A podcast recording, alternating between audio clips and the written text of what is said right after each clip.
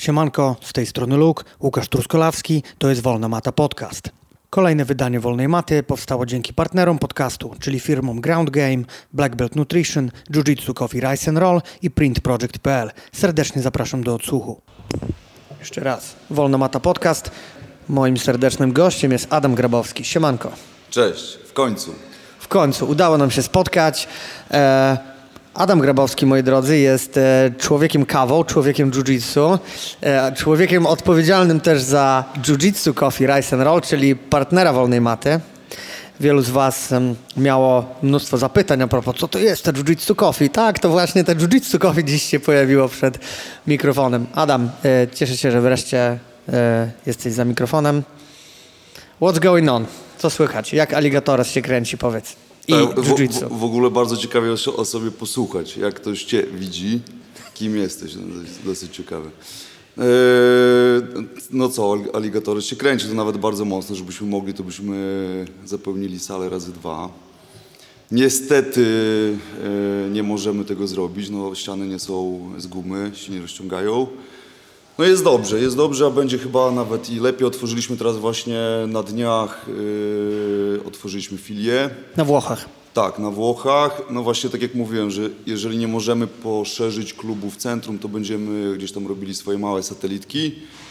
To będzie taki gruby temat, bo nie chciałbym powiedzieć za dużo, natomiast mamy tam jakąś wizję zrobienia sieciówki bez tych złych takich nalotów e, sieciowych, tak? Czyli byśmy chcieli, żeby to było coś dużego, czego jeszcze nie ma i tak naprawdę w całej Warszawie, żeby gdzieś były te satelitki, tak jak mówiłem i, e, i obojętnie gdzie się znajdujesz, pojedziesz tam, gdzie akurat jesteś bliżej klubu. Tak więc taki mamy, taki mamy cel.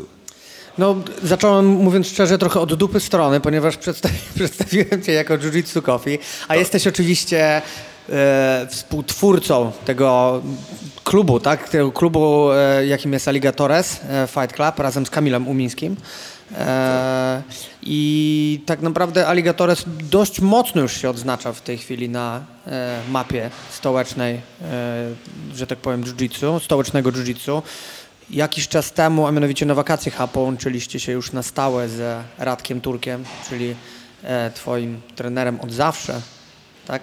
Tak. Można by rzec, tak? E, powiedz, jak wpłynęła ta kolaboracja na rozwój aligatorów? Tak, w ogóle to jest bardzo ciekawy temat, bo e, my z Kamilem stworzyliśmy klub e, komercyjny, a Radek tworzy klub zawodniczy i tak naprawdę na pewnym etapie powiedzieliśmy sobie, że w sumie fajnie by było to połączyć, tak? I, i e, doszło do tego we wrześniu. E, No jak to wygląda? No się uzupełniamy, tak więc wygląda to bardzo, bardzo dobrze. E, Radek to jest taki człowiek, który widzisz e, wszystko dużo szerzej, tak? Oprócz tego, że jest tam jednym z pierwszych w sporcie, to to jakby e, jest inna rzecz, ale naprawdę widzisz wszystko bardzo szeroko i super się uzupełniamy. E, tak, na samym początku, mówiąc szczerze, kiedy Kamil przedstawił mi jeszcze w, jako taki trailer trochę tego projektu, że będziecie się łączyli z Berserkers Team Warszawa i Alligatores, to nie za bardzo, nie za bardzo rozumiałem całą koncepcję, ponieważ myślę, no dobra, to Berserkers Team będzie trenowało u Alligatores, ale czy dalej pozostanie jako Berserkers Team, czy będzie to Alligatores, czy Radek, trener Radek przystanie tak naprawdę na to wszystko? A koniec końców już e, chyba nazwa Berserkers Team Warszawa nie funkcjonuje, tak? Jesteście jednością jako Alligatores, a na zawodach e, jesteście jako Berserkers Team, tak? Tak, na zawodach jesteśmy cały czas e, teamem Bagiego. Nie chcemy się od niego odłączać, bo jakby Bagi robi dużo dla sportu, jakby połączenie się, od, odłączenie się od niego nie robi nic dobrego, a jak jesteśmy z nim, to, to jakoś tam wymiernie mamy z tego korzyści. I Jesteśmy Berserkers Team Warszawa, tylko jakby nie używamy tej e, stricte nazwy, tak? Czyli jesteśmy Alligatores. Lokalnie tylko używacie tego Alligatores, nie? Tak, lokalnie y, jakby Berserkers Team też, ja to mówię śmieszne, że y, ciężko się wymawia, natomiast Alligatores jest taką prostą, szybką nazwą, taką wpadającą do ucha. Ale, ale tak, jesteśmy Alligatores, tak jak Zybi ma Piranie, y, ale cały czas jest Zenit, tak samo my jesteśmy Alligatores, a, ale jesteśmy filią Bagiego.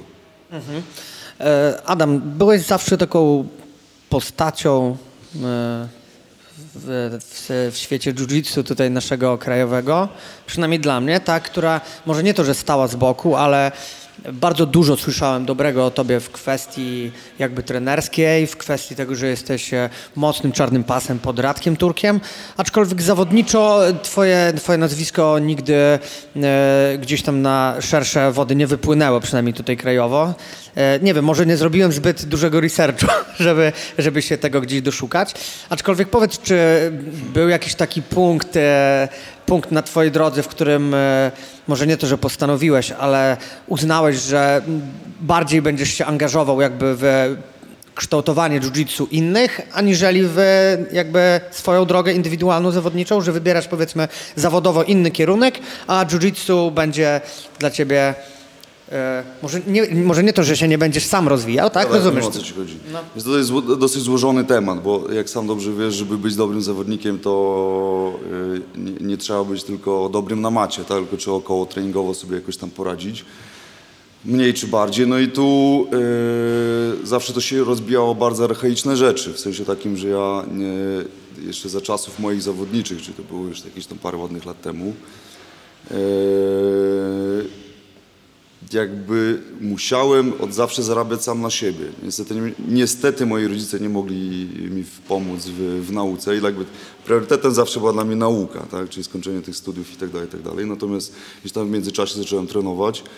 E, Przez to też musiałem, żeby się uczyć, musiałem, e, musiałem się sam utrzymać i na tym cierpiały zawsze moje treningi. Tak? Potem była jakaś tam mini seria e, kontuzji co pewnie parę osób się zaśmieje z tego, bo jest słynne hasło e, mojego, e, mojego wracania do zdrowia, ale łokieć, kolano, później bark i tak dalej, to mówię, kilka składowych było, tak więc u mnie tak, to nie było takie oczywiste ta moja kariera zawodnicza, ale blachę z Mistrzostw Europy mam i powiedziałem sobie, że dopóki nie, nie, jej nie zdobędę, to nie złożę tego przysłowiowego kimona na kołku, nie założę jego. Go, Blachę z Lizbony, tak? Jak rozumiem. Czy z to Barcelony, chyba, jeżeli dobrze pamiętam, to w 17 roku yy, i żeby było śmiesznie w kimonach, czyli w formule, w której się nie czuję, yy, znaczy czuję się pewnie, natomiast wolę nogi, jakby dynamika i tak dalej bardziej mi odpowiada. Tak więc, wracając do, do, do głównego tematu, około treningowo było du- za dużo, żebym był dobrym zawodnikiem, tak? Yy, i, i po prostu tyle, no jakby Kamil, y, Kamil Umiński czy Watson zrobili jakby wszystko, żeby być zawodnikiem i, i ja się na to patrzyłem trochę z boku, natomiast zawsze miałem z tyłu głowy temat, że nie chcę postawić wszystkiego na jedną kartę, tak? Y, moje całe życie jest takie, takie wyglądające, że jest takie bezpieczne, nie lubię ryzykować, no, natomiast taka kariera zawodnicza to, to, to jednak jest ryzyko, tak? Trzeba, trzeba je podjąć. No i tyle.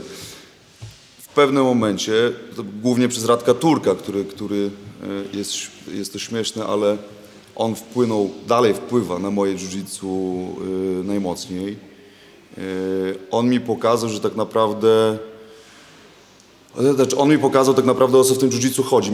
Tak mi się wydaje przynajmniej, że je rozumiem, chociaż pewnie raczej mniej niż, niż bardziej. Ale to przez, przez niego jakby moja kariera została później ukierunkowana na to, że, że zacząłem uczyć. To też wynika z tego, że też może nigdy nie byłem silny i zawsze musiałem kombinować. A z tymi, yy, no Kamil Umiński oprócz tego, że jest techniczny, no to umówmy się, no to swego czasu były największe uda w tej części Europy. Watson jest mega atletą, yy, a ja nie miałem ani tego, ani tego, tak więc zawsze musiałem kombinować i, i, i jakoś technicznie to rozkminiać. Myślę, że to bardzo duża nobilitacja dla Kuby, tak? No, no tak, tak. No to jakby to jest tylko, mówię, on, on też ma technikę, natomiast yy, jest, jest, jest świetnym atletą.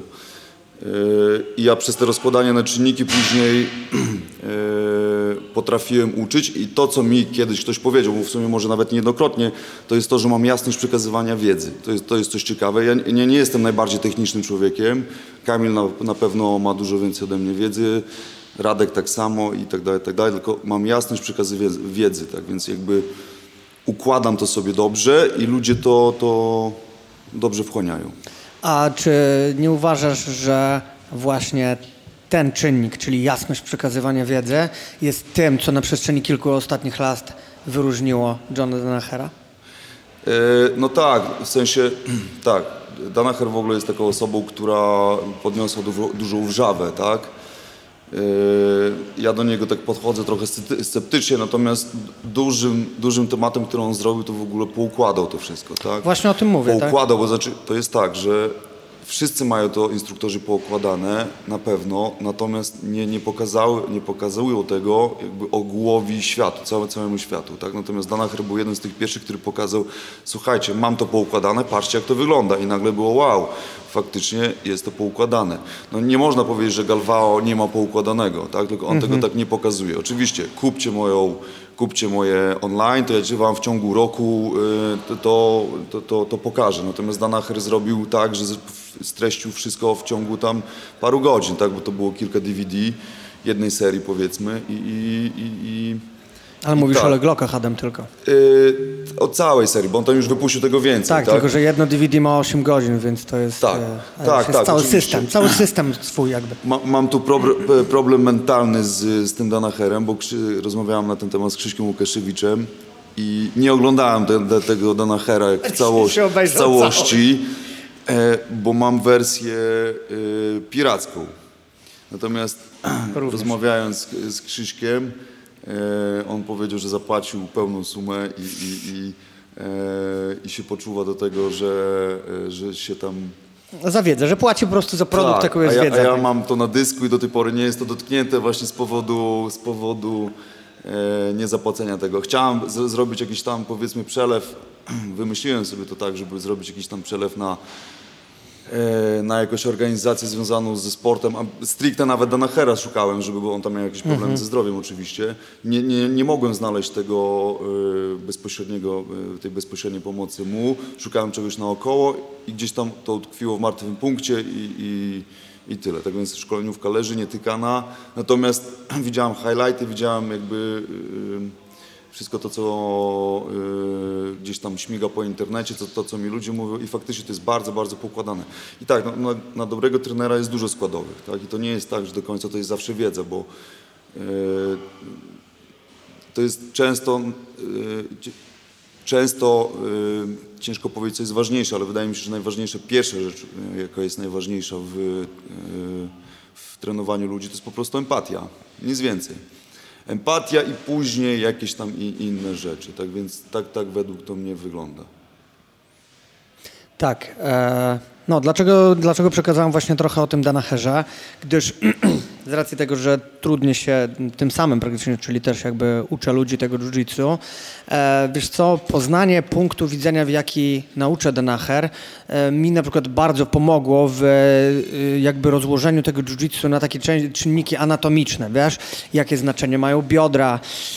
Tak naprawdę zobaczyłem, że umiejętne, umiejętne zapasy to jest też nic innego jak taki grappling w stójce, czyli zblokowanie, wiesz, obręczy barkowej, zastawienie biodra, tu wychylenie, jakby e, tak jak mówisz, to usystematyzowanie, które on zaoferował, spowodowało u mnie to była jakby osobista taka rewolucja, jeżeli chodzi o przekazywanie wiedzy. Nie wiem, jak, nie wiem Tak, jak... to Danaher jest takim, jak ja to mówię, często biorę taki przykład fajny do, do najprostszego zobrazowania, jak to jest. To jest taki Jack Daniels wśród, wśród whisky, tak? Czyli to Jasne. nie jest najwyższa półka e, i tam specja od tego powiedzą, a okej, to kukurydzianka, to, to tak, ale to jest whisky, którą wypije każdy i, i, i trzyma poziom, tak? I ona jest najbardziej dostępna. Natomiast yy, i to, tak jest, jest z Danaherem, że jego styl po prostu będzie pasował, znaczy styl nauki będzie pasował po prostu każdemu. Natomiast moim Danaherem jest właśnie Radek Turek, który już od y, lat, powiedzmy ja u niego trenowałem, bo Radek nie jest moim pierwszym y, trenerem. Yy, trenowałem od niego, u niego od 2007 roku bodajże, tak, od 2007 roku, to wtedy już zrobił na mnie takie duże wrażenie, że ma to, tak jak mówiłem, że ma to szerszą perspektywę i on nas nie uczył tak naprawdę pojedynczych technik, tylko uczył nam, nas konceptów yy, i skupienia się tak naprawdę na tych rzeczach, które później gdzieś tam nam będą robiły robotę, czyli na przykład właśnie praca biodrami i tak dalej. Właśnie między innymi też zapasy, tak, bo kiedyś to była u nas składowa treningu, tak, że były dwa razy w tygodniu zapasy i nie było tak, że wybierałeś sobie, czy możesz iść, czy nie, tylko miałeś iść koniec, kropka, tak. Sam Radek ma całkiem śmieszne zapasy, ale bardzo, bardzo skuteczne. Zresztą Kamil na przykład też ma bardzo mocne zapasy, czego nie pokazuje, bo jakby no, złożony temat, ale Kamil ma bardzo mocne zapasy. Kamil Umiński oczywiście. No o ocenie to tam nic nie trzeba mówić, bo to on tam przewraca większość, większość e, swoich przeciwników. Tak? tak więc moim donacherem właśnie do tej pory jest Radek. E, tak, e, z, wasza sekcja, e, która jeszcze pewnie jak zaczynałeś trenować, byliście jeszcze aliansem wtedy? Pod Radkiem? Nawet, już, nawet jeszcze, Jeszcze nie, nie, by, nawet jeszcze nie aliansem. Jeszcze nie aliansem. Aczkolwiek tak. do czego miałem nawiązać, zawsze mocno byliście zakorzenieni właśnie w dyscyplinie submission fightingu z racji na to, że e, Radek był na finałach e, ADCC w roku, którym po raz pierwszy w 2005 on był, czy w 2007? Wybacz, nie Wydaje, wydaje mi się, że siódmy. W piątym nie, wydaje mi się, że w W siódmym. siódmym, no ale w każdym razie w każdym razie warszawska sekcja Aliansu to był zawsze bardzo mocny submission fighting, a więc co za tym idzie, te zapasy musiały być w tym zakorzenione i to też jakby e, myślę, że Radek był tego świadomy, że jeżeli te jiu-jitsu w submission fightingu zakorzenione ma być na poziomie wysokim, to muszą, muszą być w nim e, zapasy. Nie? Tak, to jest luta, luta livre. Jakby Radek, e, będąc w Brazylii, trenował u Pikeno, który jest e, przedstawicielem luta livre. E, I to, to jest po prostu stamtąd się wzięło. Tam, tam, tam nie ma podziału na, w luta livre nie ma podziału na, e, na to, czy robisz parter, czy robisz zapasy. To, jest jedna, jedna, jedna składowa. Tak więc to, to z tego się, się wy, po prostu się wywodziło. I tyle. Dobrze, też od dłuższego czasu przygotowujesz zawodników MMA, jeżeli chodzi o, Tak. Jeżeli chodzi o parter, tak? Jak dobrze rozumiem. Tak, to jest w ogóle ciekawe właśnie, że w pewnym momencie, jak, jak, jak, jak, Jaś Fasola znalazłem się, się śmieję z tego oczywiście, że jak Jaś- Fasola gdzieś tam w pewnym momencie chodził sobie i został, e, był taki odcinek chyba, że w wojsku gdzieś tam był sobie chodził, jakieś tam e, numery robił, to ja tak samo. E, oczywiście się śmieję. Tak, no jakby ciekawym jest to, że dostałem propozycję prowadzenia do, do, dosyć wysoko od razu tak naprawdę, bo w WCA. Za co oczywiście dziękuję też Kamilowi Umińskiemu i, i, i całej reszcie, że jakby udostępnili mi tego, bo jakby nie, podejmując pracę w WCA wiadomo, że troszeczkę następowała, e, że tak powiem, może nie kłótnia, tylko jakaś tam... Dyskurs tak zwany. Tak, dyskurs, czy, czy jestem trochę tu, trochę tam, to tak naprawdę ani tu, ani tam, natomiast jakby Kamil mi to umożliwił, tak więc e, super dziękuję mu za to. Oczywiście o wszystkim, o wszystkim wiedział, jakby ja z, nigdy nie ukrywam, nie, nie, nie, nie, nie robię takich rzeczy. Oczywiście Radek też o tym wiedział. E, No i tak, to, to było coś ciekawego, bo e, no ja zawsze byłem zawodnikiem nogi. Zapasy zawsze bardzo lubiłem robić. Jeszcze u, u, u Mirka, u e, słynnego trenera Stanisławskiego. Tak więc bardzo lubiłem zapasy robić. No i chyba z tego powodu, że nogi plus właśnie ta jasność przekazywania mojej wiedzy, plus to, że się znalazłem jeszcze gdzieś tam w obrębie pewnych osób i, i tak się zdarzyło. To, to, to jest w ogóle ciekawa historia, bo, bo z tymi ludźmi się pracuje inaczej niż, e, totalnie inaczej niż wszyscy myślą.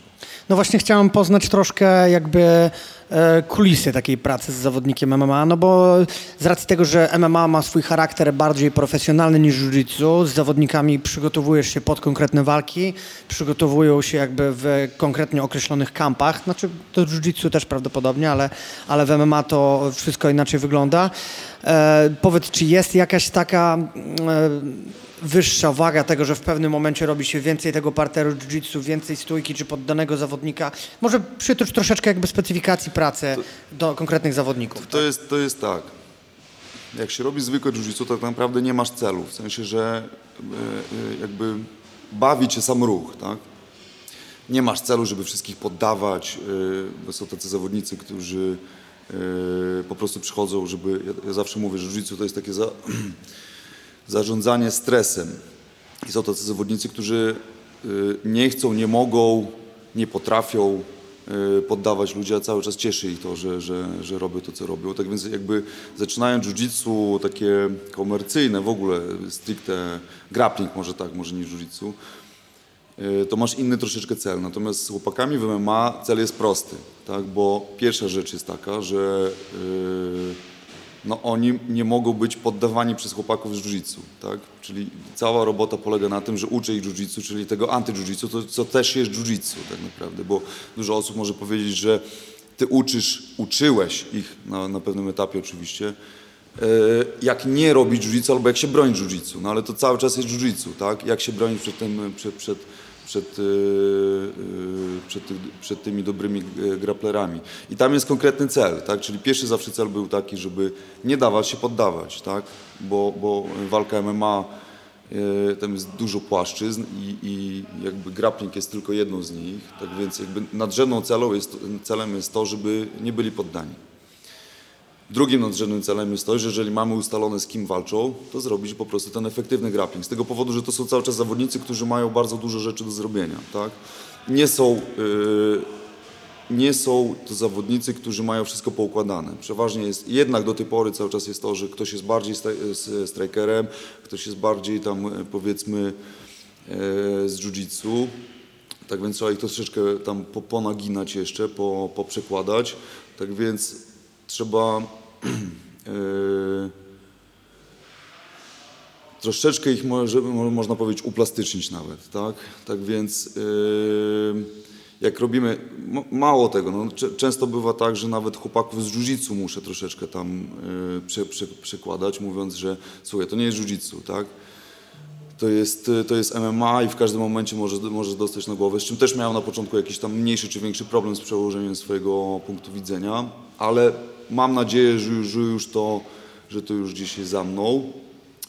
Yy, I, i, i yy, tak, ta, taka jest mniej więcej różnica, że yy, ja to zawsze mówię, że bazujemy na naj, naj, najbardziej możliwych scenariuszach, tak? Czyli ja mówię na przykład, że jeżeli masz przeciwnika takiego i takiego, to jest duża szansa, że stanie się to, to, to, to i tamto i odrabiamy lekcje, tak? Że robimy sobie to, to, to i tamto, żeby tego nie było. I w pewnym momencie, jak taki zawodnik, nawet jeżeli zrobi jednego, drugiego, trzeciego, piątego zawodnika, to już jest tak naprawdę poukładany dosyć, tak? Tak więc tam jest yy, w jiu jakby się bawimy całym jiu natomiast w, w MMA jest tak, że więcej robimy roboty na poszczególnych y, etapach, co się później łączy. Tak więc jakby jest inna, nie wiem jak to do końca powiedzieć, jest inny jakby, inne układanie tych puzli, może tak powiem. E, a zawsze mnie zastanawiało, z racji tego, że twój charakter jest taki typowo trenerski, w tym właśnie, tak jak mówisz, układanie strategii, e, poddanego zawodnika, e, rozkminianie jakichś tam scenariuszy, to czy twój udział taki aktywny w tym też jest, ty się z nimi kulasz, ty z nimi robisz zadaniówki, ty oglądasz to wszystko to, z boku. To jest, to jest trudny temat, naprawdę. No domyślam się właśnie. Z tego no. powodu, że to są zwierzęta, w sensie takim pozytywnym aspekcie tego. Zwierzęta w sensie takim, że jak ja pamiętam jeszcze w Warszawie, yy, trenując zawodniczo, jeżdżąc z Zybim yy, na, na, na różne sekcje, zawsze najwięcej kłopotów nam sprawiali chłopacy z MMA. Znam temat. To, nie, to jest straszne, bo, bo oni są silni, oni są szybcy, oni mają cardio. Mają psychę. Y, mają psycholo- tak, psychę, nie za bardzo chcą klepać. I najgorsze boje właśnie były z chłopakami z, z MMA. Y, tak więc miałem takie, znaczy do tej pory mam, że, że, że staram się z kulać się z nimi. Na pewno nie na zajęciach grupowych, bo na zajęciach grupowych jednak moja uwaga musi, no tak, jasne, musi jasne. pójść w, w, w ogół w ogół, a nie jestem w stanie powiedzieć, wyłapać wszystkich błędów. Natomiast na, yy, na lekcjach indywidualnych, gdzie tam szlifujemy swoje jakieś tam yy, małe rzeczy, to tak, to wtedy z nimi się staram kulać. Chociaż to jest naprawdę ciężki kawałek chleba. Mówię, bo Janikowski ostatnio jak mi zrobił japoński krawat, to nawet nie zdążyłem krzyknąć. E, śmieszne jest to, że to jest zawodnik, który myślę, że jakby poszedł na, na zawody rangi Mistrzostw Polski ADCC, to mógłby tam nieźle namieszać. E, no i myślę, że przy okazji przypromować też, tak? Ma, tak, oczywiście. To, to, to jest ciekawy temat w ogóle. Może go kiedyś z nim poruszę. Natomiast to jest człowiek, który de facto nie pokazuje tego oczywiście w walkach, ale on ma grappling po prostu straszny. Jest straszny. E, jest dziurawy, tych dziurek jeszcze jest tam powiedzmy trochę, nie jest dużo, Yy, ale grapplerem jest świetnym. Tak więc jak pokazując to, na przykład, że, że walcząc z nim, ja się boję o to, że jak mi po prostu złapie coś, to mi coś zrobi. Kolano yy, i tak dalej, kolano, kostka, kark yy, i tak dalej, no to jest ciężko. No, Piotrek Strus, który po prostu jest w stanie zajechać wszystkich na sali po kolei, bo w kolejce mogą stać tak naprawdę.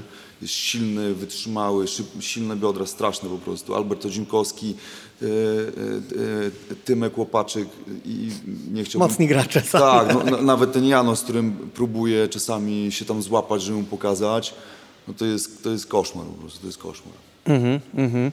E, aczkolwiek fajnie, że zacząłeś temat właśnie Damiana Janikowskiego.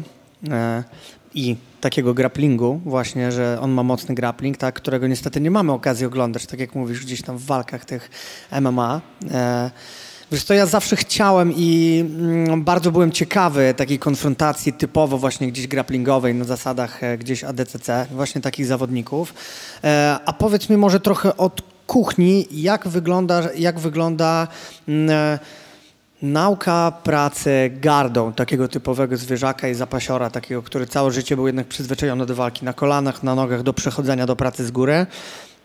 Czy, czy to jest trochę trudniej e, Ta, to przekazać? Na, na, znaczy, trzeba przełamać w ogóle jakby... No właśnie, tak. Przełamać w ogóle schemat taki, że garda tak naprawdę nie premiuje osoby z dołu, tak? Mhm. E, ani z dołu, ani z góry tak naprawdę. Zależy do czego to jest e, potrzebne. I to świetnie pokazuje Bartek Fabiński, który e, jak jest, e, jak jest na górze, obojętnie czy w gardzie, czy w półgardzie, to ci po prostu wsmaruje w, w matę. Okay?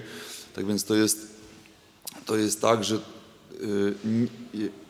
garda zamknięta tak naprawdę u nich jest problematyczna, bo y, jak ktoś dobrze operuje z góry, to jest ciężko cokolwiek zrobić, jak ktoś dobrze operuje z dołu, to też jest ciężko coś zrobić.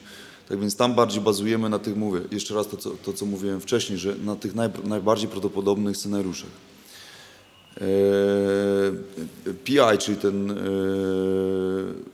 Performance Institute UFC, wypuszcza co roku takie fajne statystyki, jest tego coraz więcej. E, można sobie tam to ściągnąć z ich strony bezpośrednio i tam są statystyki, które pokazują na przykład e, dotyczące grapplingu, między innymi stój, stójki zapasów i tak dalej. Można sobie na przykład podejrzeć sobie, czym w danym roku e, najczęściej chłopacy się poddawali, tak? co było, z czego to wychodziło i tak dalej. Tak Pozycyjne dalej. tak jest. Tak, jakby mhm. Amerykanie są zakochani w statystykach i to, mhm. to, to, to jest właśnie fajne, bo to daje mi też duży, duży materiał do tego, jak mam pracować. No mhm. U mnie praca była prosta. No, chłopacy potrafią balachy z gardy i tak dalej, wszystko jest ok, natomiast jakby priorytet jest inny, bo e, nie, nie, wiem, czy sobie zdajesz sprawę, natomiast e, wpięcie za plecy, znaczy wykończenia za, za pleców w UFC za 2018, za 2019 niestety jeszcze nie miałem czasu przeglądać tych statystyk. Pracuję na statystykach z 2018 roku.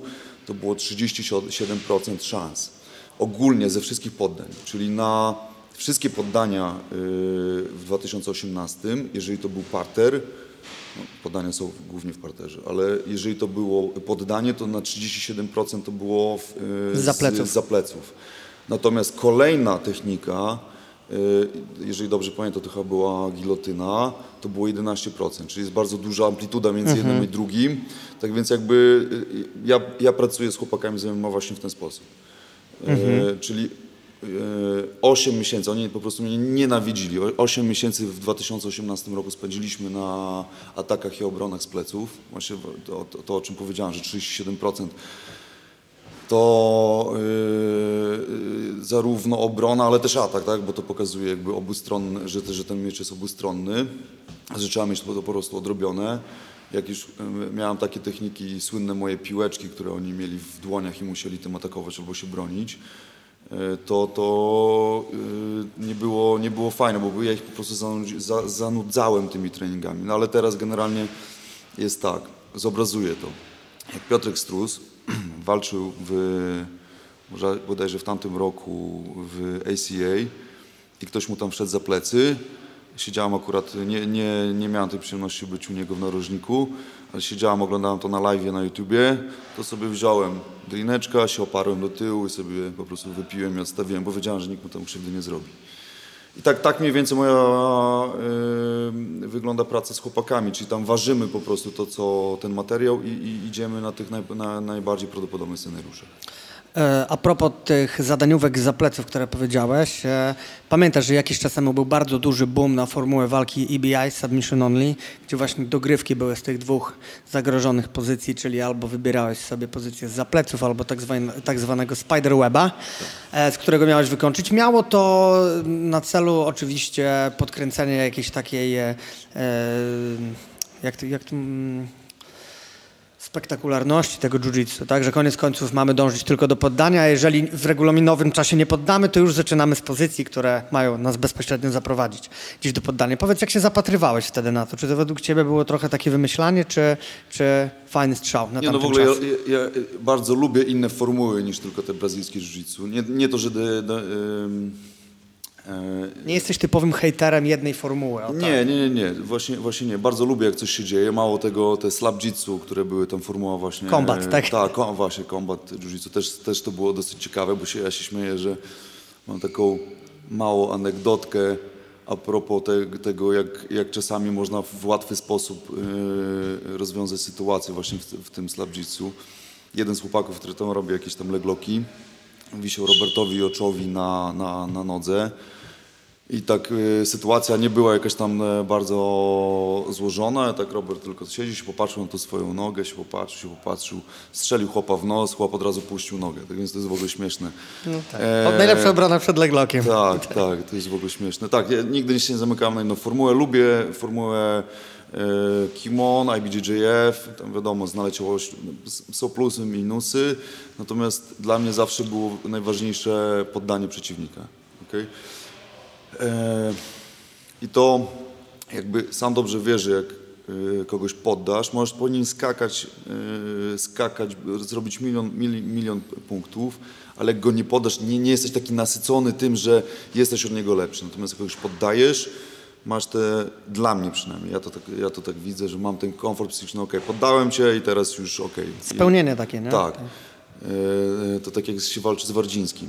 E, on cię pierwsze podda i później dobra, to już wiesz, gdzie jest twoje miejsce w szeregu, to możemy się pokulać, nie? Mhm, e, tak więc w ogóle formuła AB mi super pasuje, e, czyli dążenie właśnie do tego, do, do, do tych poddań, do szukania tych poddań.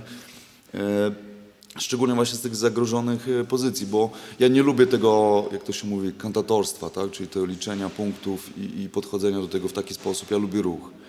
Yy, co, co Ebi, no, nie ma lepszej formuły na ten moment jak dla mnie. Tak, e, zrobimy małą zapowiedź. E, w czerwcu odbędzie się kolejna edycja Mistrzostw Polski EBI w Radomiu, organizowane przez Łukasza Bilskiego. Jest to na chwilę obecną, powiem Ci, jeszcze mało może popularna impreza, bo ludzie oczywiście, wiesz, e, podchodzą do takich tych majorsowych turniejów u nas w kalendarzu startowym, aczkolwiek e, szykują się fajne e, udogodnienia w kategoriach wagowych, specjalnie, żeby przyciągnąć więcej zawodników.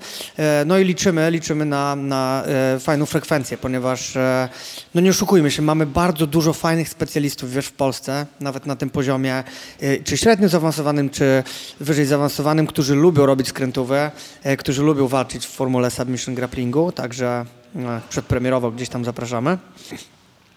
Dobrze. A powiedz, jak twoje wrażenia po ostatnim turnieju ADCC? Wiesz co, wrócę troszeczkę do tego EBI, bo y, y, te EBI w Polsce ma, y, wiadomo, to są pierwsze kroki, super to jest, natomiast ostatnio rozmawialiśmy, może nawet nie ostatnio, to jakoś w 2019 miałem przyjemność rozmowy z z Bilskim, przepraszam, mhm. nie, nie powiem imienia. Z Łukaszem. Z Łukaszem Bilskim, na temat tego, żeby nawet pójść e, krok dalej i nagrodzić najlepszego finishera. nawet nie tak. na turnieju, nawet nie na turnieju, bo jakby tam też troszeczkę te kantatorstwo się, się, się wkrada, bo ktoś może tam dowlec coś do, do tych właśnie spiderwebów Były i do przypadki. pleców. I taktycznie sobie wygrać potem dogrywki. Tak. Były I, I jak tak dyskutowaliśmy, kiedyś tam byliśmy na wspólnej gdzieś tam gali, siedzieliśmy, rozmawialiśmy o tym, to tak gdzieś tam wyciągnęliśmy e, ciekawy pomysł, żeby nagrodzić właśnie najlepszych e, finisherów turnieju.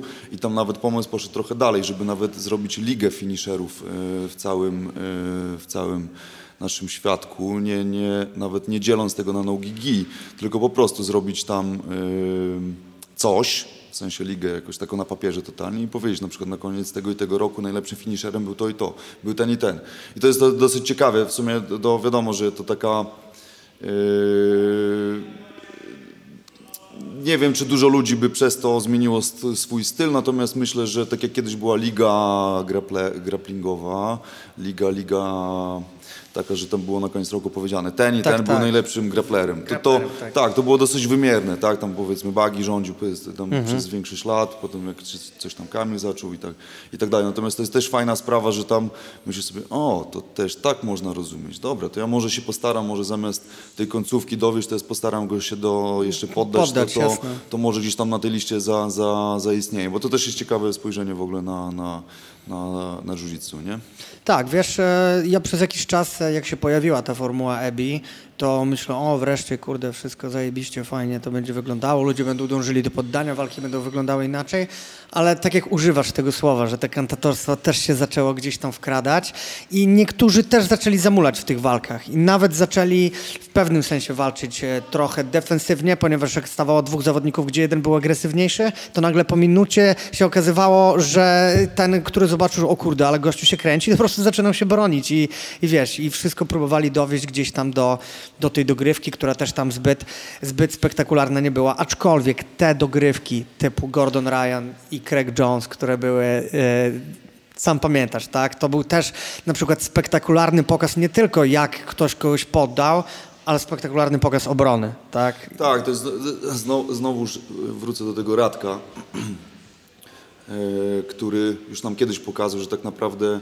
nieważne jest e, nieważne jest do końca czasami to, w jaki sposób yy, walczysz, tylko to, w jaki sposób uciekasz tak naprawdę. I często on nam właśnie mył głowę na treningach, że masz dopuścić do swojego arcywroga treningowego, żeby ci wlazł tam w tą twoją, mhm. powiedzmy, tą, tą, te plecy, czy tam najgorszą jakąś tam twoją pozycję, żeby próbował ci poddawać. Teraz frustracja narastająca z tego powodu, że nie może tego zrobić, robi później całą walkę. Właśnie Radek tak mhm. nas uczył, mhm. żeby patrzeć na, y, na te jiu też w takiej perspektywie.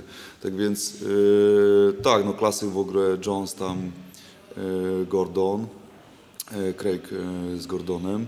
Aczkolwiek pamiętasz, że tak ci przerwę jeszcze w roku, to było 2013 na DCC w Pekinie, Gary Tonon wybronił Balachę Krona. Też to był tak. klasyczek taki, tak? Tak, to są właśnie te smaczki, bo e, czy w ogóle to jest ciekawy, ciekawy temat w ogóle Krona, ale nie, to może kiedy indziej. E, to są właśnie te smaczki, czyli właśnie to uciekanie z tych pozycji. Dla mnie właśnie naj, naj, e, mówię to przez radkę, mam zaszczepione tak, że masz uciec, umieć uciekać ze wszystkiego tak naprawdę, tak? Nie dać sobie zagrozić przeciwnikowi, a w pewnym momencie ty przyjmujesz połeczkę i, i e, robisz swoje.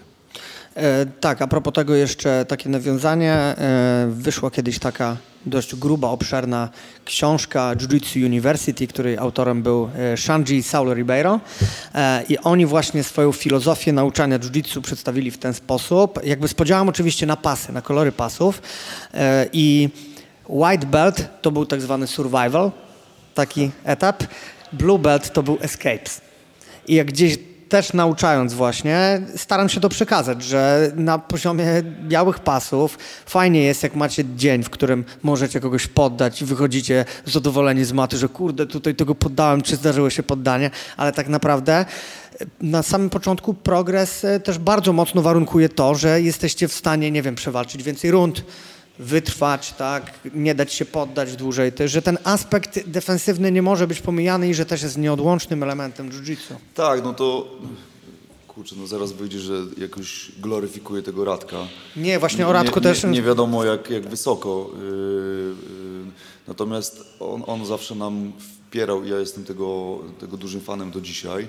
Chociaż z Radkiem tak naprawdę już u Radka nie trenuję dobrych kilka ładnych lat, gdzieś tam się ocieramy tylko siebie właśnie z powodu e, czasu, ale e, na ten moment, tak jak mówiłeś, białe, niebieskie pasy trzeba uczyć tego.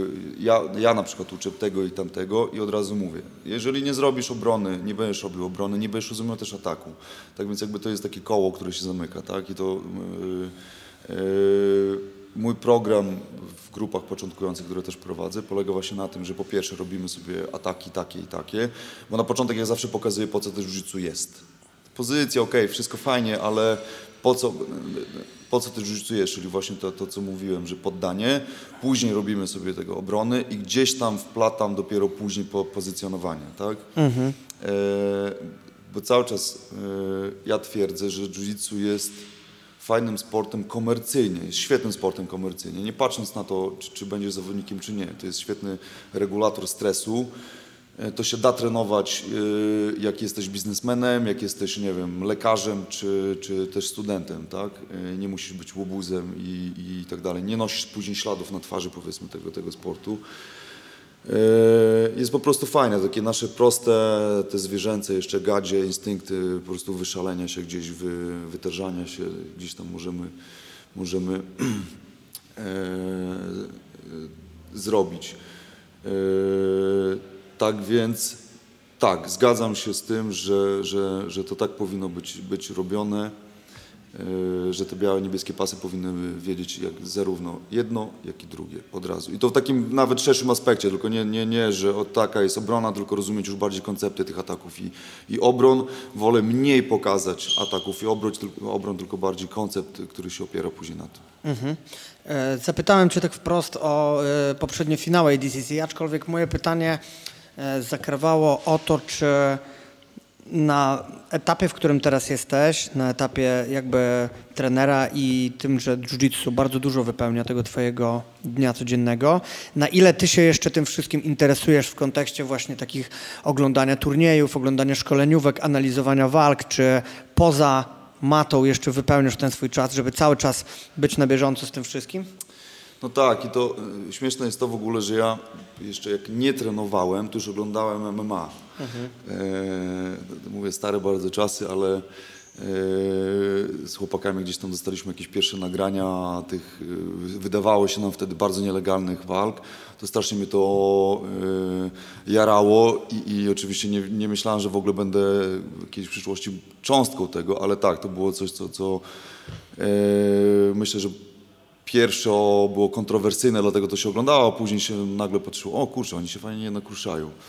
Ja robiłem jeszcze przed, yy, przed jiu w ogóle lubiłem oglądać MMA. To jeszcze były wtedy walki w klatkach, nie? Tak, takie typowo, tak. mniej zasad niż więcej i, tak. I, i, i, tak, tam się jeszcze dziwne rzeczy zdarzały.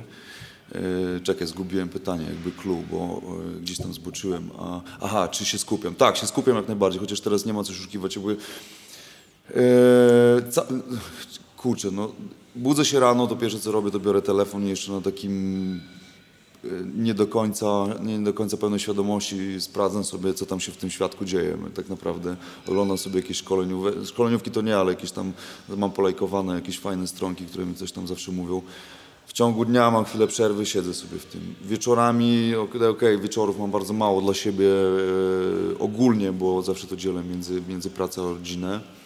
Też staram się oglądać. Mam jakieś tam swoich faworytów do oglądania. Mam jeszcze do oglądania cały czas te walki MMA, yy, które bardzo lubię i nawet jak już jestem mega zmęczony, bo nie ma co szukiwać na, na, na szkoleniówkach, trzeba być skupionym, tak? bo to jest, to się uczysz. Tak, tak, tak, jasne. Tak więc oglądasz gdzieś tam ci najważniejszy punkt, gdzieś tam ominiesz, jakby nie, nie zrozumiesz tego, tak więc tutaj trzeba być jakby w pełni świadomy, natomiast MMA oglądam nawet jak po prostu przychodzę sobie do domu, włączam telewizor w nocy już, włączam telewizor, gdzieś tam MMA mi tam pyłga yy, na ekranie, Cały czas, cały czas. Jeżeli, no ja nie żyję z jiu tak naprawdę, to jest jakby część mojego życia. Eee, nie, nie, może inaczej, może nie utrzymuję się jiu nie jest to, to, to część, która, która stanowi moje... E, mój filar, tak, tak, mój filar, e, ale tak, jak tylko mogę, to się doszkalam. Bardzo w ogóle, e, bardzo bym chciał pojeździć po świecie, żeby się pouczyć, tak jak ty byłeś teraz w Stanach, bardzo cię zazdrościłem. Myślałem, że cię odlejkuję w pewnym momencie z z społecznościówek, bo scyzoryk mi się otwierał, on pojechał, ja nie mogłem. A ty byłeś w Brazylii w tamtym roku? Tak, byłem w Brazylii, ale to wiesz, tak, tak, oczywiście. Ale, A, zapomniałem. E, natomiast e, jakby e, bardzo bym chciał e, się uczyć do tej pory. E, obojętnie, pod całym kątem życia, nawet już nie chodzi o same życie, tylko właśnie mówię też MMA i tak dalej, i tak dalej. Eee, bo tam jest naprawdę bardzo dużo aspektów i, i w pewnym momencie musisz sobie już, kurczę, no rozumiem też jiu a ładno się okazuje że za jakiś czas, kurde, no jednak chyba nie. Tak więc tak, takie właśnie te Stany, Brazylia, no już Europa tak naprawdę, nawet już nawet na nasze polskie podwórko, nawet jechać na, na tydzień do, do Zibiego, czy powiedzmy na jakiś tam mocny kamp, też się można dużo nauczyć. Ale tak, się interesuję bardzo mocno do tej pory i trochę żałuję, że nie mam tak dużo czasu, jakbym chciał. E, czyli mam rozumieć, że twój ostatni wyjazd do Brazylii e, w tamtym roku, który poczyniłeś, był wyjazdem właśnie takim w kontekście trenowania i doedukowania się, czy trochę rekreacyjno-wakacyjnie? Jak to wyglądało, powiedz? Eee, trochę i to, i to. Eee, no, znaczy, no, nie, no, priorytetem dla nas była walka, walka Janka. Akurat tak wyszło, że... Eee, mój, mój pech, nie wiedziałem. Tak, tak. Eee, znaczy, ja, ja nie jestem człowiekiem, który jakoś tam się afiszuje ze wszystkim. Jakby nie, nie, nie, to nie jest mój styl, żeby chodzić na lewo, prawo, się chwalić tym i tamtym. Nie wiem, czy mam w ogóle, ale nawet jeżeli bym miał, to, to, to tego nie robię. Yy, I jakoś tam nie ogłaszałem światu tego mocno, że, że jadę, z kim jadę, po co jadę. I to jakby kilka osób mi dopiero powiedziało, kurde, słuchaj, ty jedziesz z Jankiem na, na, na do Brazylii, na, na, na main event to jest gruba rzecz. No, tak do tej pory mnie to do, nie dociera, może tam później kiedyś tam dotrze. Ale pojechaliśmy przede wszystkim, żeby właśnie wesprzeć, wesprzeć Janka, e, no i się uczyć. E, tak, tam, tam to był świetny wyjazd. Troszeczkę rekreacji, troszeczkę, troszeczkę nauki. E, myślę, że jednego i drugiego liznęliśmy dosyć, dosyć sporo. Był bardzo fajny, fajny wyjazd, bo mówię, i zwiedziliśmy, i odpoczęliśmy, i potrenowaliśmy, tak więc e, było, było świetnie. Szal, szal, e, nie wiem, czy Janek kiedykolwiek będzie to słuchał, bo jest zajęty człowiekiem, natomiast szalone noce w Rio były były szalone. Były szalone, tak. To, to co e, się działo w Rio, zostało w Rio. Okej, okay, okej. Okay. A powiedz, e, dużo takich wyjazdów wcześniej gdzieś zaliczałeś, oprócz tej Brazylii? E, takich typowo też treningowych, może niekoniecznie, że jechałeś właśnie z kimś na e, galę czy walkę, tylko... Nie, no właśnie nie, nie, niestety nie, bo jestem e, dosyć zajęty. E, I tak jak mówię, mam, mam w domu, mam priorytet w domu, to są mhm. trzy, trzy, trzy kobiety. E, tak więc one, e, one, one zabierają moją, największą część mojej uwagi e, i tak naprawdę no, ciężko mi zawsze było wyjeżdżać. Nawet do tego Zybiego, za co Zybi jest tam, wiem, że na mnie zły od, od, od ponad 10 lat, że, że nigdy do niego za bardzo nie przyjeżdżałem. No mam z tym problem, jestem zajęty na co dzień, mam co robić oprócz domu, trenowałem różne sporty i, E, ja się nigdy nie nudziłem, tak? I e, Brazylia jest jakby pierwsza, natomiast teraz mm, przez ostatnie te powiedzmy rok, dwa coraz bardziej serio traktuję moją naukę, bo e, nie wiem, że, nie, chciałbym, żeby to głupio zabrzmiało, że wcześniej się bawiłem w te jiu mhm. ucząc ludzi i tak dalej, bo tak nie było. Natomiast wcześniej to nie była taka, taka bardzo ważna, nie, było, nie miałem takiego świadomości, że, że było to coś bardzo ważnego dla tych ludzi, natomiast, nie, źle powiedziałem, to było coś ważnego, natomiast nie, nie inaczej. I, jeżeli ja teraz źle nauczę chłopaka, który e, chce oprzeć swoje, swoją przyszłość na, na budowaniu kariery ma, no to jest trochę inaczej niż jak nie nauczę e, chłopaka e, z grupy komercyjnej tam powiedzmy dobrze balachy. Tak? Bo to jest nie, no to kompetencje twoje trenerskie. Tak, więc, tak, tak, teraz traktuję to, to dużo, dużo poważniej. Eee, nie wiem, jak się potoczy życie, czy, czy pójdę w to mocno, czy nie. Mocniej jeszcze, bo na ten moment dzielę, dzielę, dzielę pracę i dzielę treningi i, i swoje życie prywatne na, na, na części. Eee, ale tak, zająłem się tym teraz tak bardzo mocno profesjonalnie. Dlatego eee, bardzo żałuję, że właśnie nie mam czasu na, na jeżdżenie po świecie. Mam, mam ku temu możliwość. E, teraz Janek właśnie dzisiaj w nocy walczy w Rio Rancho w, w, w Nowym Meksyku. Miałem możliwość z nimi jechania, ale właśnie to się rozbiło wszystko. Jakieś tam bardzo abstrakcyjne, znaczy nie abstrakcyjne, tylko proste rzeczy. Czyli właśnie rodzina, nie mogę wyjeżdżać ze trzy miesiące na trzy tygodnie gdzieś tam, bo, no jasne, bo rodzina, jasne. bo praca, bo, bo obowiązki względem też y, moich uczniów na macie. E, Adam, kilkukrotnie wspomniałeś w trakcie rozmowy a propos pracy zawodowej. E, dość rzadko to robię w trakcie, w trakcie podcastów, żeby tam wypytywać ludzi o y, prywatną, że tak powiem, pracę, aczkolwiek w Twoim przypadku jest to temat bardzo pokrewny, a mianowicie jest to temat kawy, tak? Tak, to, to jest, e, tak jak mówiłem, kiedyś ktoś mi powiedział mądry, że na jednej nodze e, nie stoi się ze stabilnie. Mhm. Dlatego to też się wiąże właśnie z tą moją karierą zawodniczą, że nigdy nie podjąłem tego ryzyka, żeby pójść dalej w, e, w tą karierę. No nie chciałbym tam zdradzać jakby swoich jakichś tam rzeczy, ale... Nie, no jasne, jasne. Nie czułem się na tyle pewnie nigdy, nigdy mi nikt nie zaufał na tyle, żeby powiedział tak, Adam, to jest twoja droga i zawsze chciałem stać stabilnie na obu nogach. Tak więc tak, mam, mam jakiś tam swój biznes, który, który, e, który prowadzę już od kilku ładnych lat, to jest kawa, mam kawiarnię. E, i, Czy to się wzięło trochę z pasji? Nie, nie, nie, nie. Znaczy i tak i nie. W sensie to, to się zaczęło od, e, od tego, że Yy, przyjeżdżając do Warszawy, po prostu nie mogłem znaleźć pracy. Moja koleżanka gdzieś tam pracowała w kawiarni, mi załatwiła tą pracę i tak popatrzyłem sobie, że okej, okay, fajnie, kasa, mogę się utrzymać, w sumie fajna praca, bo, bo mam jakiś tam kontakt z ludźmi. Nie, nie, nie, nie była na tyle wymagająca praca, żeby przeszkadzała mi też w trenowaniu, bo jednak mogłem to pogodzić, chociaż to jest ileś tam godzin na nogach, ale to dawało się pogodzić. Tak więc to wyszło tak, że po prostu pociągnąłem to, to dalej. Yy, ja jestem człowiekiem że tak powiem, wytrwałym i, i pracowałem od studiów, yy, gdzieś tam przechodzą wszystkie tam etapy, może nie wszystkie, ale jakieś tam etapy menedżerskie i teraz mam właśnie od kilku ładnych lat już swój biznes. Tak, to jest kawiarnia, która mi zapewnia właśnie ten komfort, że oprócz tego, że mam y, solidną podstawę do, do finansową, może tak, to też pozwala mi to po prostu pracować z, z jiu-jitsu.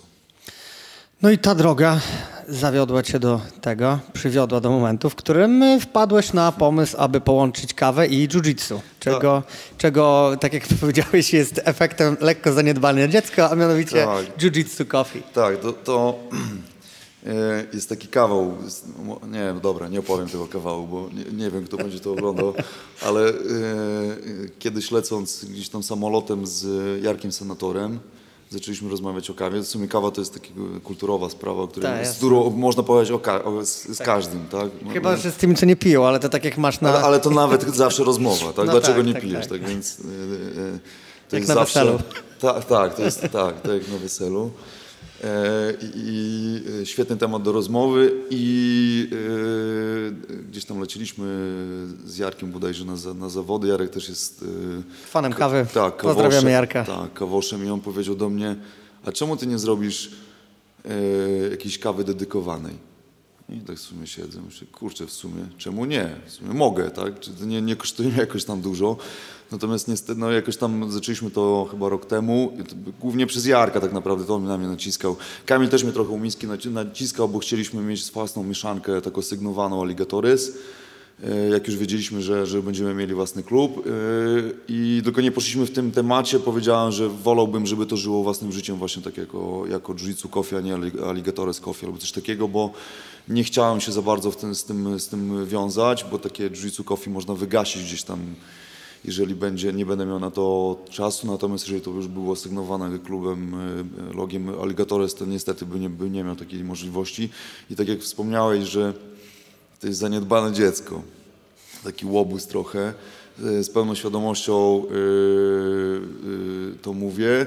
To funkcjonuje, w, w, mam tam jakby stałych odbiorców swoich, sprzedaję tą kawę, w klubie można nabyć ją, ale to nigdzie nie, nie, nie idzie do przodu, nawet bym powiedział, że się cofnęło troszeczkę, jak do klasy mówi do tyłu.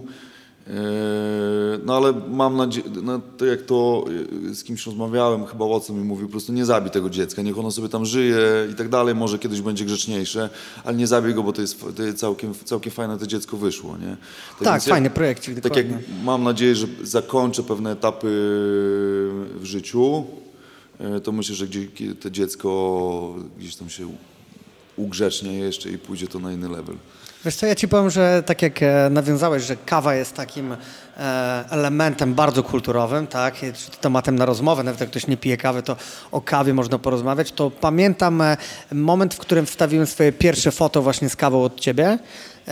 Powiem ci, że zrobiło to niewiarygodnie duże poruszenie, nawet wśród moich znajomych, którzy gdzieś tam nie bardzo są związani z treningami, mówi, a co ty tam za kawę masz z tym jiu-jitsu, wiesz, jakby połączenie dla niektórych było takie w ogóle abstrakcyjne na zasadzie, że czemu to jiu-jitsu coffee? Ja mówię, no tak jest, jakby, wiesz, już abstrahując od tego, co tłumaczyłem ludziom, którzy nie trenują, tak? Ale też w klubie od razu, oczywiście było tak, ty załatwisz kawę, a tutaj, a to kawa, jakby wiesz, to jest zajawka. Jiu-jitsu jest taką samą zajawką, jak kulturową zajawką jest dziś picie kawy, więc jeżeli się to połączy, tym bardziej, że podobne zabiegi były też już robione w Stanach, na przykład jakaś tam Chimera Coffee tak, była tak. u Gary'ego, Gary'ego Tonona, to oczywiście nie było bezpośrednio z nazwy tak, jak jest tutaj, aczkolwiek e, no, fajnie się to łączy, na pewno. Tak, to jest lifestyle. E, Manto miało nawet swoje jakieś tam... Yy Manto kiedyś też robił swoją kawę, nie wiem czy wiesz. Miało, nie no, wiem. Mo można było kupić to. Te, też, jak to Manto miało fajną szatę graficzną, super profesjonalnie to wyglądało, ale pewnie znowu się rozbiło jakieś tam proste rzeczy, że e, że oni nie, nie do końca mogli kontrolować e, świeżość tego produktu, musieli zamówić pewnie więcej towaru, natomiast ja ten towar mam, mam dobre układy właśnie przez kawiarnię i, i u mnie to... to, to łatwiejszy łatwo, proces. Tak, łatwiejszy proces, dlatego oni pewnie wygasili ten projekt. A to jest lifestyle, tak? I on się łatwo łączy, tak jak powiedzmy, że jiu-jitsu fajnie pasuje do tego surferskiego stylu, tak? Y, lifestyle'owego, który gdzieś tam, y, no u nas to może ciężko jest łączyć, ale, ale w Stanach jest mocno związany, to, to, to tak, to tutaj kawa to jest ten lifestyle, który jest bardzo łatwo połączyć. No i co, no, yy, no ja nie, yy, to jest najlepsza przetreningówka tak naprawdę. Nie ma, nie, nie Wyjęło się to z ust właśnie. To, to zawsze, jakby na swoim organizmie przetestowałem chyba wszystko, na palmy, to tam, wszystko. No i, od, yy, no i kawa jest tym naj, najbardziej uniwersalnym. Pobudzi cię, ale będziesz mógł pójść do domu, jeszcze gdzieś tam sobie się przespać, a nie budować, yy, yy, kosić trawę jeszcze gdzieś tam o trzeciej w nocy, bo, bo bo, bo nie możesz zasnąć, tak, tak więc tak, no i gdzie, śmieszne, gdziekolwiek nie pójdę, to się nie chwalę z tym, że, że jestem z tym związany, to gdzieś tam wynika to w rozmowie i zawsze to jest fajny temat do, do jakiejś dłuższej, dłuższego, dłuższej dyskusji, tak, nawet jak w Brazylii byłem, to byli ludzie zachwyceni w ogóle tym, że wow, kawa, Brazylia, kawa, to jest jakby w ogóle było połączenie, mhm. nawet mam takie zdjęcie, z Minotaurą, kiedy spotkaliśmy go gdzieś tam na Fight Weeku, już chyba w São Paulo jak byliśmy, to e, podarowaliśmy mu paczkę właśnie Jiu-Jitsu Coffee. Super. E, e, I z jakiegoś tam śmieszne nieporozumienia e, e, językowego on myślał, że w Polsce rośnie kawa i jakoś tak wyszło, że ktoś nam przerwał i on chyba został w tym, e, w tym tak, chyba tak, z tej świadomości pewnie, nie, nie wiem, czy, czy dał sobie, zdał sobie z tego sprawę, ale potem z Jankiem dobrze z tego się śmieliśmy, że wcisnęliśmy Minotauro, że w Polsce rośnie kawa. Kiedyś w podcaście Joe Rogana był Charles Sonnen, który on lubił sypać anegdoty o Brazylijczykach. Pamiętasz, Charles Sonnen zawsze się tak. lekko pastwił nad ich, e, że tak powiem, prymitywnością i były, mm, była taka anegdota. On po prostu gadał swoje abstrakcyjne rzeczy, że jak bracia Minotauro przyjechali do Stanów i zobaczyli autobus, to jeden z nich zaczął go głaskać, a drugi karmić bananem. Nie? No, no to był cały, no, cały Chinsone, tak? Cały to, to jest człowiek, który jest wygadany i tak często nie, nie ma... Yy, Hamulców w tym. Tak, nie ma tego buforka, który mówi, okej, okay, okay. nie, nie, nie, mów tego, bo to może być trochę niesmaczne. No niektórzy tacy są, no, ale nie, ma mu, nie, nie można mu zarzucić braku inteligencji, tak? Jest, nie, no, jest tak, kontrowersyjny, ale, ale jest inteligentnym facetem. No też bardzo fajnie na przykład pokierował e, po, po swojej karierze tym, że zaczął promować też Mission Underground, tak? Zrobił tą zrobił tą, e, tą promocję, gdzie miało to, że tak powiem, zawodników MMA właśnie przedstawić w grapplingowej konwencji w klatce. Oczywiście to gdzieś tam przygasło po kilku edycjach, prawdopodobnie pieniążki się skończyły, żeby znane nazwiska brały tam udział, ale na samym początku projekt był taki dość dość fajny. E, wiesz co, powiem Ci, że mi tego gdzieś e, brakuje na chwilę obecną u nas w kraju. Oczywiście wiem, że wszystko się rozchodzi o finanse, ale właśnie wracając do tego Damiana Janikowskiego, właśnie takiej promocji, w której moglibyśmy szerszej publice zaoferować znanych zawodników e, KSW właśnie w wydaniu grapplingowym w Superfightach. Na takiej zasadzie. Wiesz, ja wiem, że to się rozchodzi o to, że ci zawodnicy musieliby dostać wypłatkę za to. Tak, to, to znaczy ka, kasa kasą, ale jakby nie, nie, do końca zawodnicy MMA chcą odsłaniać swoje karty. To jest tak. I, i e, e, ja się śmiałem, e, jak byliśmy w Brazylii, jak się śmiałem, jak e, patrząc na Janka, jak sparuje e, z Brazylijczykami, jak oni się od niego odbijają, bo e, Janek ma bardzo proste jiu-jitsu. Ja się śmieję z niego, że z lat 90 On się nauczył jednego sweepa i go robi, ale robi to perfekcyjnie naprawdę. I potem kontroluje z góry, nie? Tak, tak, świetnie to robi. M- mówię wam, że Brazylijczycy się odbijają od niego jak, jak, jak, e, jak od e, ściany, jak od drzewa. E, e, no, tylko, tylko, tak jak mówiłem, no, nie chcę odkrywać swoich, swoich, swoich kart, no bo po co, tak? Bo to może być karta przetargowa później w kolejnej walce i po co. Ja y, y, mówiłem Jankowi, że mogę mu, myślę, że nie to, że ja, ale mogę nakręcić spiralę, zacząć spiralę, nakręcić mu walkę z e, Lukiem Rockholdem w Polaris. Myślę, Super, że to był tak. fajna rzecz, bo on tam miał jakieś tam swoje przemyślenia a propos walki, że żeby to by się znalazło na ziemi, to by Mhm. tam inaczej to się potoczyło. No ja bym nie był taki pewny, Mhm. że to by inaczej się po, po, po y, Potoczyłem. Potoczyło, tak. Yy, natomiast yy, no, no po co, tak? Janek jeszcze jest czynnym zawodnikiem, cały czas gdzieś tam te asy w rękawie ma. Yy, te jego duszenia, ręka, głowa są fenomenalne w ogóle. To, co rozrobił Krylowowi.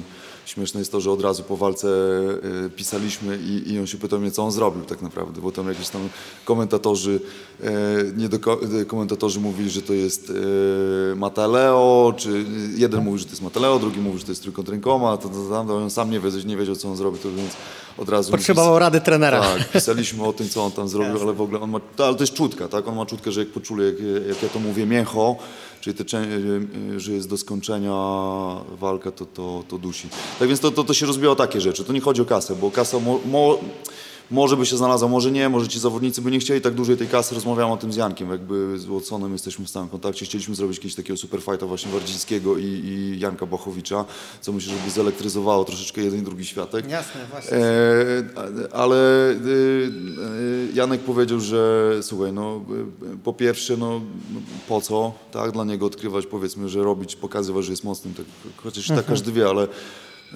nie ma to dla niego większego sensu.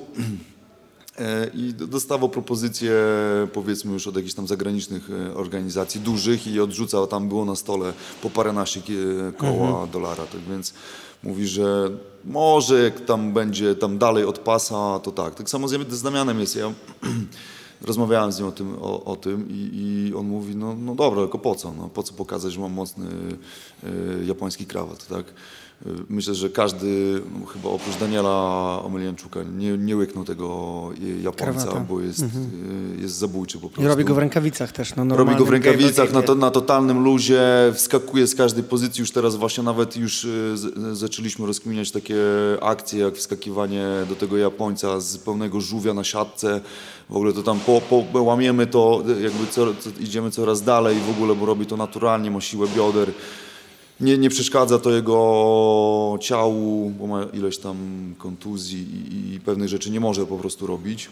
Yy, jakby ciało do niego to, to, to się składa. Ja miałem taki sen yy, i małe marzenie, że, yy, że w walce z Kołeckim właśnie będzie ten japoński krawat. A i w sumie wierzyłem w niego, że jeżeli będzie półgarda, e, do czego dążyliśmy, tam jakby nie zag- zagrały, nie, nie zagrały inne rzeczy, ale e, wierzyłem to, że Janikowski może go poddać, Kołeckiego i dalej w to wierzę, czyli jakby żeby nie ten, jak ja to mówię kolokwialnie, gotujący się czajnik, e, bo, bo jego głowa po prostu nie wytrzymuje ciśnienia, e, to, to on by go poddał.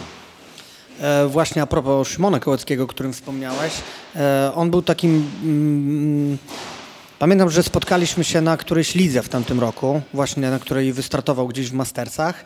E, Szymon miał tam z dwie czy trzy walki, udało mi się go złapać na wywiad i powiem Ci, że był bardzo fajny wydźwięk w ogóle, y, wiesz, dla szerszego środowiska, że taka postać olimpijczyk jak Szymon Kołecki wystartował i e, właśnie, wiesz to cały czas staram się szukać jakichś takich punktów, wiesz, pośrednich, gdzie możemy dalej dotrzeć z tym brazylijskim jiu-jitsu, z grapplingiem, e, żeby spopularyzować po prostu ten sport i dlatego, wiesz, od razu pomyślałem gdzieś o chłopakach typu Janek Błachowicz czy, czy Damian Janikowski, nie? Tak, ja, ja, o tym myśleliśmy też yy,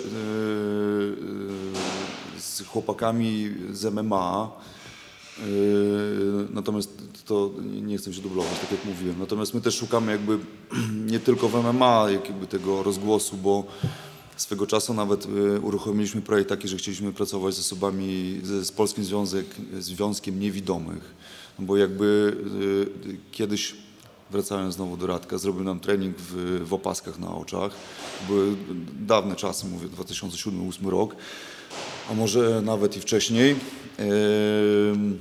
Bo ja do Radka chadzałem, nawet jak trenowałem jeszcze w 2005 roku Mirka Oknińskiego, czy w jego klubie, nie u Mirka, tylko w, w Mirka klubie trenowałem u Pawła Mistewicza albo u Zbiego to, to chadzałem do, do Radka na sparingi chociażby, no to on wtedy nam pokazał, że, że, że to jest sport, który można czuć, tak? I właśnie yy, były, jak są takie treningi, które miałbym zapamiętać do końca życia, to jest właśnie jeden z nich, kiedy masz zamknięte oczy i próbujesz się kulać. I właśnie yy, próbowaliśmy uderzyć w ten temat, czyli właśnie do niepełnosprawnych yy, osób, które nie widzą, natomiast się odbiliśmy od związku, po prostu się odbiliśmy strasznie, E, w tej propagacji, bo myślę, że jedni i drudzy mają, mieliby e, coś dużego do zyskania, tak? bo jedni by zyskali świetny sport e, i, i jakiś tam fajny, fajny kierunek swojego życia, a my byśmy zyskali no, świadomość ludzi, tak? że, że gdzieś tam te jiu że to jest ten grappling, że to jest fajne, że to jest głowa, nie mięśnie i że to są te, już nie lubię tego przytaczać, że to są te szachy. Tak? E, odbijamy się cały czas, jakby struktury są skostniałe. Ja od, od nie, nie, niedawna w sumie zacząłem też pracować z policją. E, niestety prywatnie. Zaczęliśmy taki projekt jako Alligatores. Przed, przez chyba trzy lata się odbijaliśmy od różnych tam e, drzwi. Chcieliśmy wejść w szkolenia policjantów.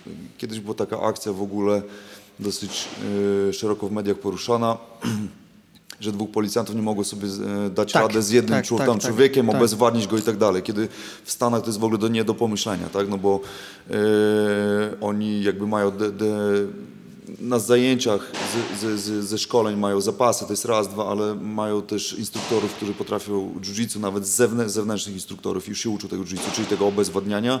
Wiedzieliśmy, że to jest kierunek, który w Polsce jeszcze y, nikt nie dotknął, tak więc poszliśmy tam. Się odbiliśmy trochę i po trzech latach odbijania się od każdych drzwi jakby zaczęliśmy robić to w końcu tak, że y, szkolimy tych y, policjantów w czasie prywatnym oczywiście nieodpłatnie, żeby oni pokazali, że o zobaczcie, to, to, to tak powinno wyglądać, tak? Czyli my umiemy, my chcemy yy, i tak dalej. I mam nadzieję, że za rok, dwa, trzy, pięć, nie wiem, zobaczymy jak dalej, że to, to pójdzie tak, że gdzieś tam yy, nasze yy, ministerstwa zobaczą, że jednak to jest to. Jest to. Nie no, nie oszukujmy się, no te jiu-jitsu czy zapasy na podstawowym poziomie to jest takie narzędzie, które tych służb mundurowych powinno, wiesz, gdzieś tak e, dotyczyć na poziomie podstawowym, no.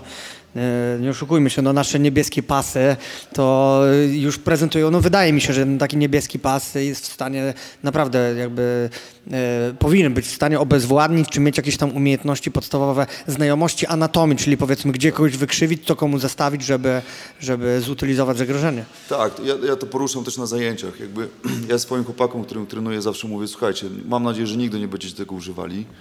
Yy, mam nadzieję, że nigdy ofensywnie jeżeli będziecie to w defensywie. Natomiast musicie to zrobić też tak, żeby kogoś nie uszkodzić, tak? Czyli cały czas patrząc, że ktoś może być pijany, nie wiem, może być wściekły za to, za tamto e, i na drugi dzień e, będzie innym człowiekiem, e, a ty mu na przykład skrętem przestawisz kolano, tak? Czy tam coś. I, i zawsze mówię, słuchajcie, uważajcie, albo uważajcie na przykład, zobaczcie, na, na taką perspektywę jiu-jitsu, jakbyście mieli to wykorzystać gdzieś, tak? Czy, czy tam na ulicy, czy, czy, czy nie. E, e, no, no, chyba nie ma lepszego tak naprawdę sportu do tego, żeby obezwładnić kogoś. Tak? To trzeba tylko zmienić troszeczkę znowu perspektywę patrzenia na te brazylijskie jiu czyli znowu nie, nie pozycje i nie, nie, nie sweepy i nie motyla garda, yy, przepraszam, pojęcia garda, czy tam jakieś tam berim, berimbolo ale to, to są takie proste rzeczy. No wszystkie amerykańskie akademie, tak my, my, możemy od nich jeszcze się bardzo dużo nauczyć. No u nas to wszystko jeszcze reczkuje. No to wszystkie, każde duże akademie E, w Stanach albo mają właśnie program online, który, który musisz przejść, żeby w ogóle zacząć e, treningi, e, albo przejść właśnie fizycznie program, ten pierwszy, podstawowy, czyli właśnie samoobrony. Tak? I to, to jest fajne. U nas to jeszcze raczkuje. I my Mam nadzieję, że to po- podejmie coraz więcej miast, coraz więcej ludzi mądrych do tego usiądzie i, i gdzieś tam to, to pociągniemy dalej. E, Też dość często jest e, teraz praktykowane coś takiego w klubach jak program intro, czyli to jakby kilka zajęć, które zanim wejdziesz do jakby takiej grupy mieszanej e, jest praktykowane. Wy robicie to tutaj w aligatorach? I tak nie. Nie. Nie tak jakbyśmy chcieli, ale tak jak my się docieramy jeszcze raz, bo mamy nową sytuację właśnie a propos Radka Turka. U nas teraz jest 5 godzin jiu wieczorami samych, tak więc jakby docieramy system. Nie ma takiego, je, to znaczy są oczywiście programy intro, intro, tylko że wiem, że na przykład inne konkurencyjne kluby, na przykład Kopa ma także co ma, ma taką totalną, totalne intro, wchodzisz tam i ten program co dwa miesiące chyba się resetuje i, i e, się powtarza. Jeżeli tam wypadłeś z powodu tam powiedzmy, nie wiem, pracy i nie mogłeś być na tym treningu, to za dwa miesiące i tak cię e, to trafi. E, Natomiast my chcemy uruchomić e, program po prostu samobrony, tak? Tylko nie tej samobrony takiej e, badziewnej. Odnoża takiej, plastikowego. Tak, tak. No właśnie to chciałem też poruszyć, że takiej jest... badziewnej, powiedzmy, mam zlajkowane chyba na Instagramie takie bull, bullshido. Bullshido jest. Bullshido mam zlajkowane i to właśnie to, czyli chcemy tak jakby realnie pokazać, że jiu to nie jest ofensywna sztuka walki, tylko jednak e, defensywna i to się może każdemu przydać, bo nawet jak ktoś cię złapie za plecami z tyłu w stójce, no to jiu ma mnóstwo rozwiązań, jak, jak, jak z tego się uwolnić, nie? Adam, dobiliśmy do końca, dopłynęliśmy, tak jak mówię, z Magdą, zagadałem. E, dobrze, Adam, e, nie przedłużając, bardzo Ci dziękuję za rozmowę. Mam Super, fajnie się gadało. Y, się zastanawiałem bardzo, jakie pytania mo- możesz mi zadać. Y, y, Sam nie wiedziałem. tak, wieczorem tak sobie siedziałem w domu i tak, kurczę, ciekawe o, o co zapytam. Może, no, ale tak, było, było, było fajnie, poruszyliśmy, poruszyliśmy fajne tematy. E, dużo tych tematów jest, tak jak mówię, y, około jiu też działamy i, i- mam nadzieję, że teraz ktoś, kto może tego posłucha, to sobie pomyśli, o, to jest mo- może, może jakieś tam pole manewru dla mnie, tak? Tak więc jakby wspólnymi siłami gdzieś tam ta świadomość y, naszego sportu się powiększy. tak. Dziękuję. Raz jeszcze Ci dziękuję za rozmowę. Pozdro.